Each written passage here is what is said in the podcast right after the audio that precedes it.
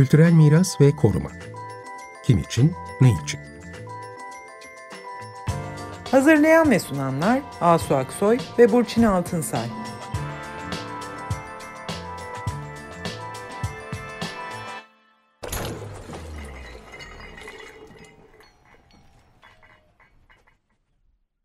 Merhaba, iyi akşamlar. Ben Burçin Altınsay. İyi akşamlar, ben Asu Aksoy. Bu akşam e, Burçin ve ben ikimiziz. E, misafir konuşmacımız yok. Son bir aydır, yaklaşık bir aydır Türkiye'de kültür mirası gündeminde e, programlarda yeteri kadar ele alamadığımız bir iki başlık var. Sahada gelişmeler var. Onları böyle biraz e, ele alalım diye düşündük Burçin'le. E, aslında böyle bir baktığımız zaman bayağı da karşımıza böyle bir 4-5 başlık çıktı ve bu başlıkların da açtığı çok önemli.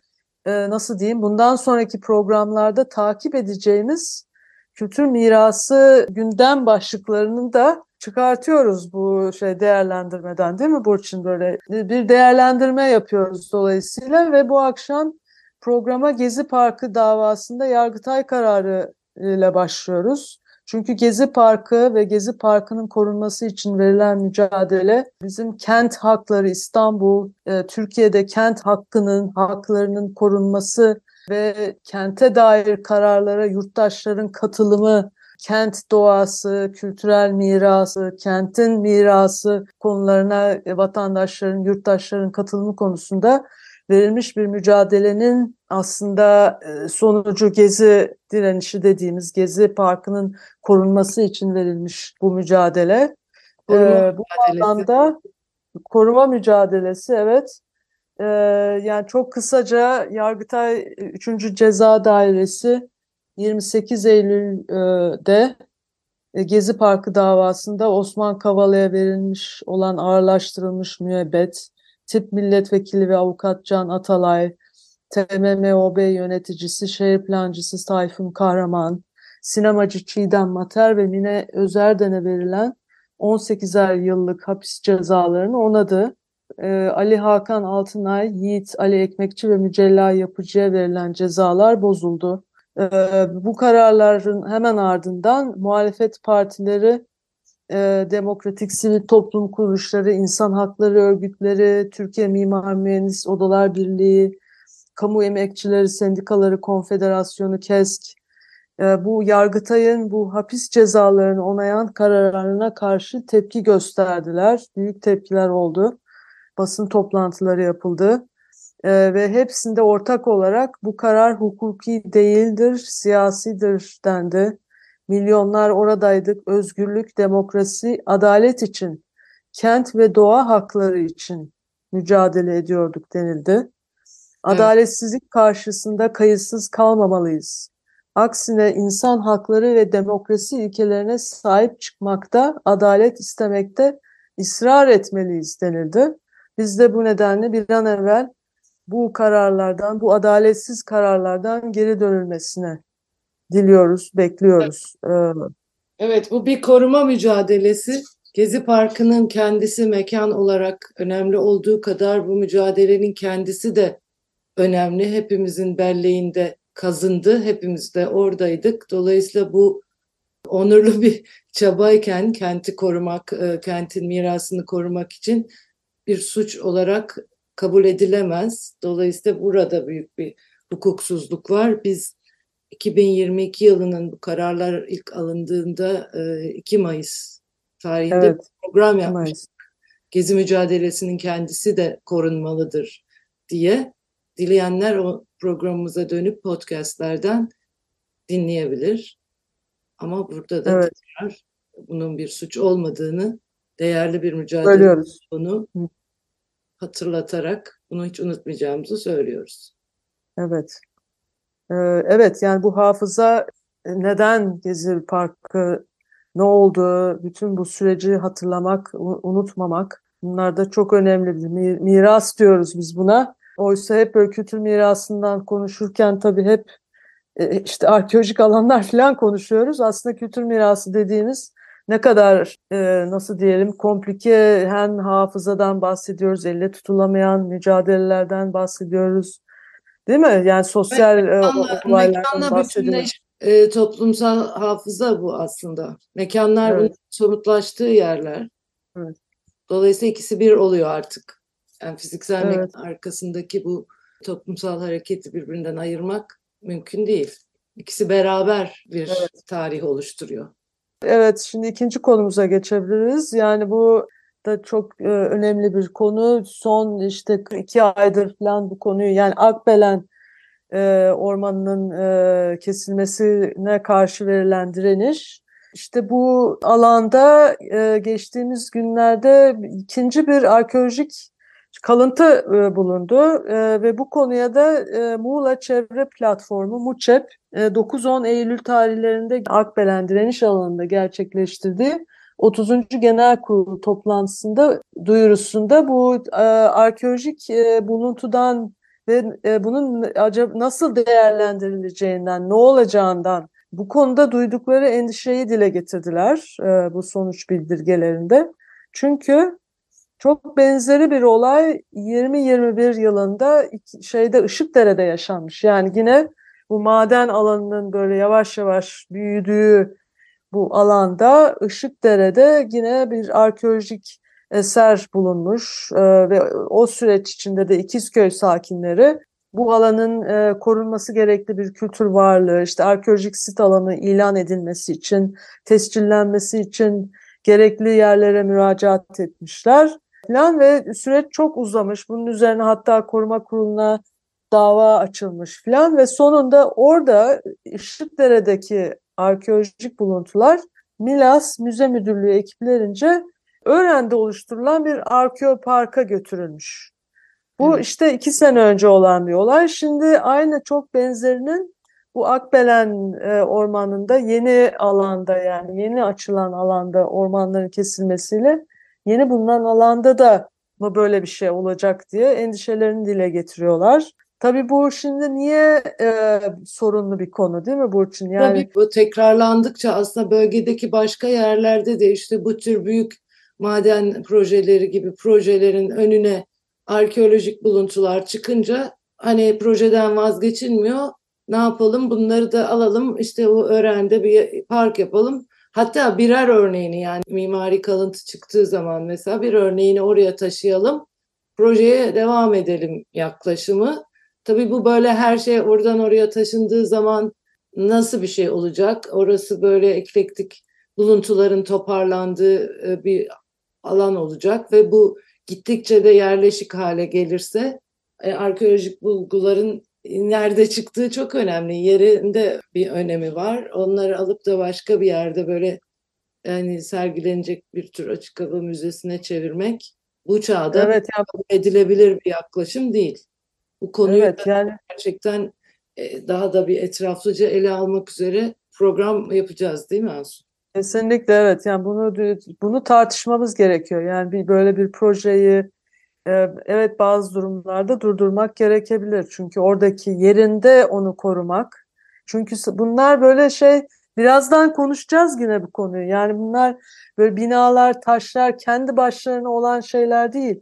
Belli bir bağlam içinde, belli bir coğrafyada, belli bir dokunun içinde e, ve yanını, e, ötesini, berisini etkileyerek ortaya çıkmış yapılar. Siz onları kaldırıp bir başka bir yere taşıdığınız zaman e, o, o artık bir şey, o taşıdığınız şey bütün o bağlamından koptuğu Biliyorsun zaman bu bambaşka. Hasankeyf'te de yaşandı. İşte o Evet. zaman nesneleştirilmiş oluyor. Sadece nesnel varlığıyla sanki bir kıymeti varmış gibi oluyor. Ve açıkçası koruma açısından, tarihi anlama açısından biraz geri bir yöntem. Yani biraz demode diyelim artık bunu yapmıyoruz. Çok çok çok mecbur kalmadıysak eğer yani çok zorundaysak taşınabilir belki ama pek anlamlı bir yöntem değil ve bu böyle yerleşik bir pratiğe dönüşürse daha da tehlikeli. Çünkü farklı farklı yerlerden olan şeyler de bir de bir araya gelecek.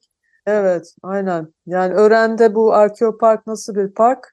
E, doğrusu e, çünkü başka yerlerden de geliyor bu Ören'e, öyle anlıyoruz. Evet, evet. Konuya döneceğiz, evet. Yani Konuyu daha iyi bilen konuklarla birlikte konuşuruz. şimdi Sonra bir başka var. Ayvalık var, evet. Ayvalık'ta geçtiğimiz günlerde aslında bu oldu. Şimdi Ayvalık'ta bir e, Ayvalık Kidonia Akademi diye bir yapı varmış eskiden. Yani bir okul aslında bu.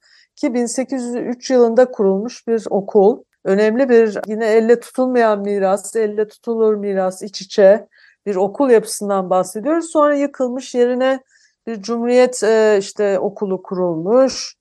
Sonra o bir ilkokul olmuş falan ve çok yakın zamana kadar yani 20-21'e kadar da bu okul gelmiş. Sonra işte e, yıkılmış. Niye yıkılmış onu bilmiyorum. Yıkıldıktan sonra işte bu Yol parsele nedeniyle sanırım. öyle mi? Bu parsele tamamen alakasız bir işlevlendirme, bir polis merkezi yapılmak üzere inşaat çalışması başlatılıyor.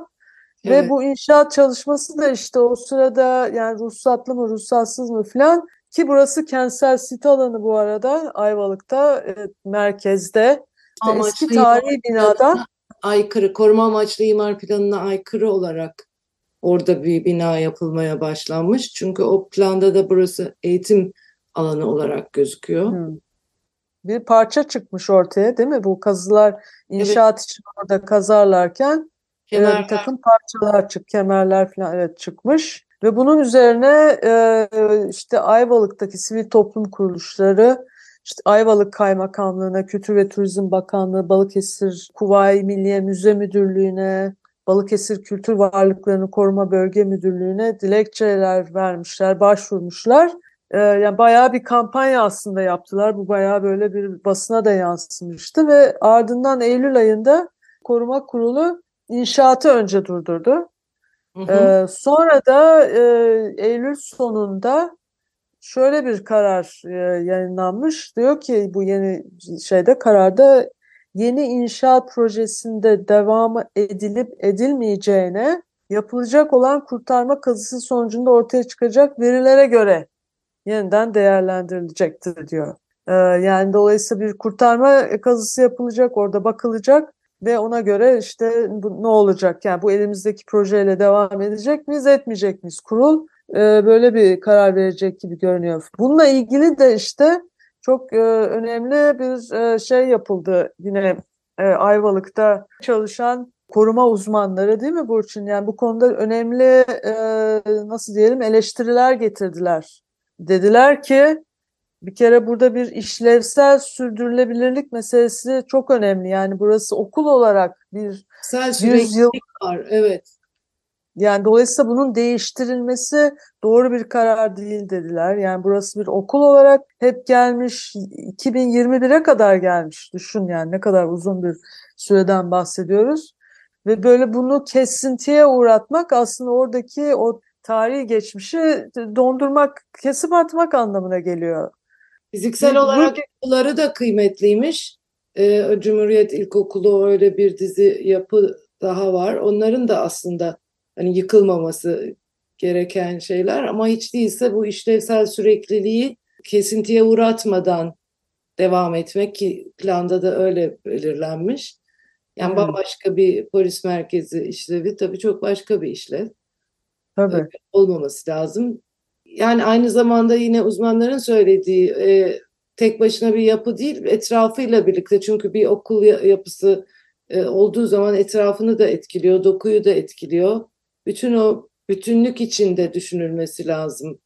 Aynen. Ya. Yani o bir sadece binadan ibaret değil. Hani demin de diyorduk ya e, aslında o okul bütün o çevresini, mahalleyi, işte ne bileyim öğretmenlerin kaldığı yerler, işte arkadaki sokaktaki bir başka bina, e, o binanın okulla ilişkisi, oradaki okullarla gelmiş geçmiş Çevredeki okullarla Konutların olması olmaması mesela yani hani bunlar kentsel e, işlevler büyük bir alanı etkiliyor. Yani onların planlanmasında da bu açıdan dikkat edilmesi lazım ve böyle hani bir de bu, bu durumda biraz ra- rastgele bir e, şey var herhalde. İnşaata başlanmış. Ama Evet. şimdi o proje bu haliyle iptal edilip e, kazı yapıldıktan sonra yeniden değerlendirilecek. Yani e, şey de yine önemli. Yani bir bilinçle yaklaşıp işte bakın burada aslında böyle bir tarih var. Dikkat çeken de e, yerel sivil toplum kuruluşları. Onların Evet. e, bilinci ile bunu ortaya dökmesi ve buna karşı durması sonucunda aslında burada bir e, kazanım elde edilmiş. Umarım olumlu bir mücadelenin önemi. Yani bu onların sayesinde oluyor çünkü bu durdurma meselesi. bu bilinçle yani bu bilgiye sahip olanlar bunu Hı. peşine düşüp korunmasını Takip ediyorlar. Evet ve e, bundan sonra da takip edecekler. Bundan sonrası da Yani işte buradaki şeylere bakacak olursan yani bu e, yani buranın eğitim alanı olarak e, devam etmesi gerektiği yani Ayvalık kültür ve tabiat varlıklarını koruma girişimi. Yani aslında bir sürü STK, bir sürü sivil girişim bir araya geliyorlar ve birlikte bunu takip ediyorlar. Yani bunun ne kadar önemli olduğunu görüyoruz. Sivil e, ve uzmanlar, bir de uzmanlar da var. Bir de burası tabii ki dünya mirası alanı e, e, olmaya aday bir yer Ayvalık. geçici liste Ve evet Değil mi? Geçici listeye girdi galiba. Dolayısıyla yani aslında her bir e, sokak, her bir doku, her bir yer Ayvalık'ta bir değer taşıyor, bir kültür mirası değer taşıyor ve ona bir, bir incelikle ve bir böyle bir hassasiyetle işte bakmak gerekiyor. Yani aslında bunu söylüyor oradaki. kent yöneticilerimizin ve karar vericilerimizin bu duyarlılıkları içselleştirmesi lazım. Evet, Çelik sivil toplumun e, uyarılarıyla, sahiplenişiyle bazen başarılıyor, bazen başarılamıyor ama bunu işte Ayvalık'ın dünya mirası olmasını istiyorsa birileri bunların hepsine dikkat etmeleri lazım her adımda. her adımda, her köşede, her Daha değer önce için. konuştuk hani dünya mirasının da sonraki aşamalarında tekrar önlerine gelebilir bu tür sorunlu projeler. Hı. Her an gelir. Onun için başka Evet. iyi adımlar atmak lazım. Evet. Şimdi son konumuza geliyoruz. Ee, Bu akşam e, ele almak üzere ayırdığımız son konumuz e, Hatay, e, Antakya kentsel sit alanı, tarihi merkez. Orada ne oluyor? Aslında biz bu konuyu sürekli düşünüyoruz, sürekli takip etmeye çalışıyoruz. Sahadan bilgi almaya çalışıyoruz. Depremi olduğundan beri hep bu konuda program yaptık 6 ay kadar Evet. değil mi? Evet, bayağı bir programımız var. Hatay Planlama Merkezi kuruldu. Ee, e, Hatay Büyükşehir Belediyesi İBB ile bir ortaklık yaparak ve onların bir raporu var. Sadece onu söyleyelim. Antakya Defne Saha Gözlem raporu yayınlandı. Çok yeni bir rapor bu.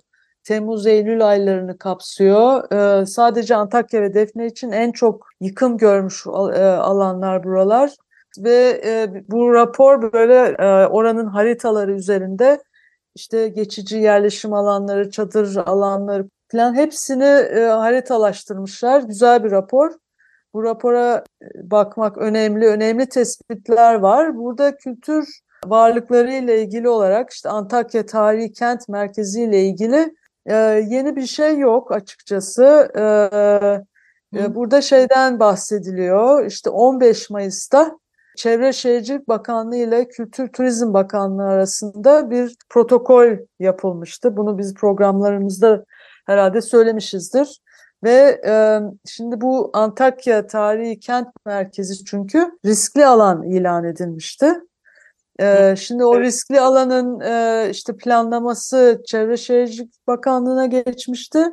Fakat 15 Mayıs'ta bu protokolle e, şimdi yine Kültür ve Turizm Bakanlığı'na devredildi. Ama biliyoruz ki e, bütün Hatay için aslında bir, bir master plan hazırlanıyor. Bu Çevre Şehircilik Bakanlığı'nın e, nasıl diyelim bir iş yaptırıyor, bir planlama işi çalışması yaptırıyor ve bu bir taraftan devam ediyor. Şimdi Evet. öbür taraftan da e, Kültür Turizm Bakanlığı koruma amaçlı imar planı yapıyor ve hatta 1 Eylül'de de askıya çıkacakmış.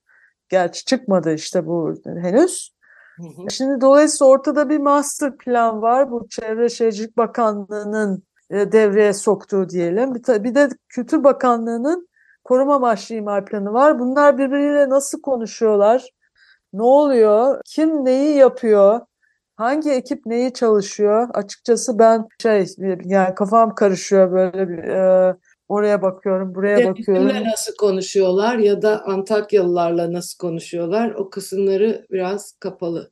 Ve Evet, aynen. Yani Antakya'da çok sayıda sivil girişim e, hem kentsel alanın yani tarihi alanın korunmasıyla ilgili hem de tekrar Hatay'ın işte kimliğine dönmesi, hayata dönmesi konusunda bir sürü girişim kuruldu. Hepsi aslında sonunda ortak endişelerini e, dile getirmeye başladılar. Platformlar falan kuruldu. En son işte 22 Ağustos'ta bir açık mektup yayınlandı. Yayın burada imzası olanlar Antakya Kentsel Sit Girişimi, Çekül Vakfı, Antakya Kültürel Miras Koruma Derneği, Mimarlar Derneği 1927, Dokomomo Türkiye, Türk Serbest Mimarlar Derneği, Yeniden Antakya Platformu, Korder yani kısacası aslında e, bunların hepsi kültür ve doğal mirasın korunmasıyla ilgili çalışan şeyler, STK'lar açık mektup yayınladılar ve kısaca e, bu mektupta diyorlar ki yani bizim bütün uyarılarımıza karşın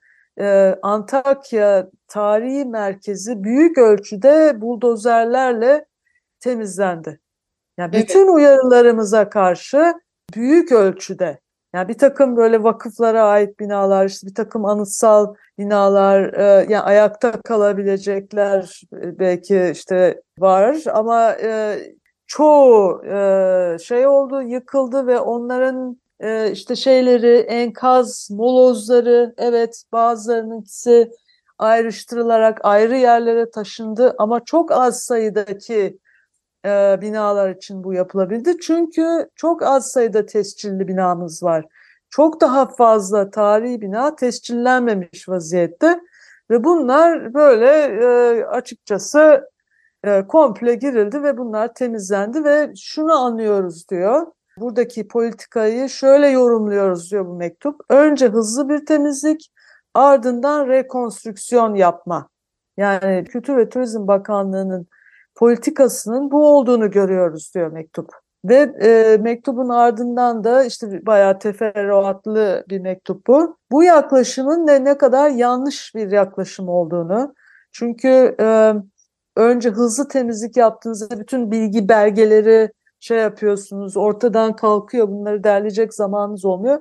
Sonra da rekonstrüksiyon neye dayanarak rekonstrüksiyon olacak? E, değil mi? Yani şimdi evet. de şey diyorlar sonuç olarak yani acilen durdurulmalı diyorlar bu e, acil temizlik meselesi ve rekonstrüksiyon evet. meselesi de şeye dönmemeli. Yani bir tiyatro e, sahası evet. gibi böyle yap, yapmaya dönülmemeli diyorlar. Açıkçası Asu birçok aşama yaşandı bu depremden beri. E, bütün bunların içinde yani burada şahsi yorumum oluyor biraz e, Kültür Bakanlığı buna mesela bir müzelerine yaptığı gibi bir kentsel sit alanına hani elini koyup bütün kontrolü ele alamadı. Çevre ve Şehircilik Bakanlığı hala enkaz kaldırmaları sürdürdü. İşte Kültür Bakanlığı orada bir kazı, afet kazı başkanlığı kurarak kıymetli e, parçaları toparladı. İşte bazılarını taşıyorlar falan ama dokunun bütünlüğüne dikkat e, vererek orada böyle bir çalışmaya tam olarak başlanamadı.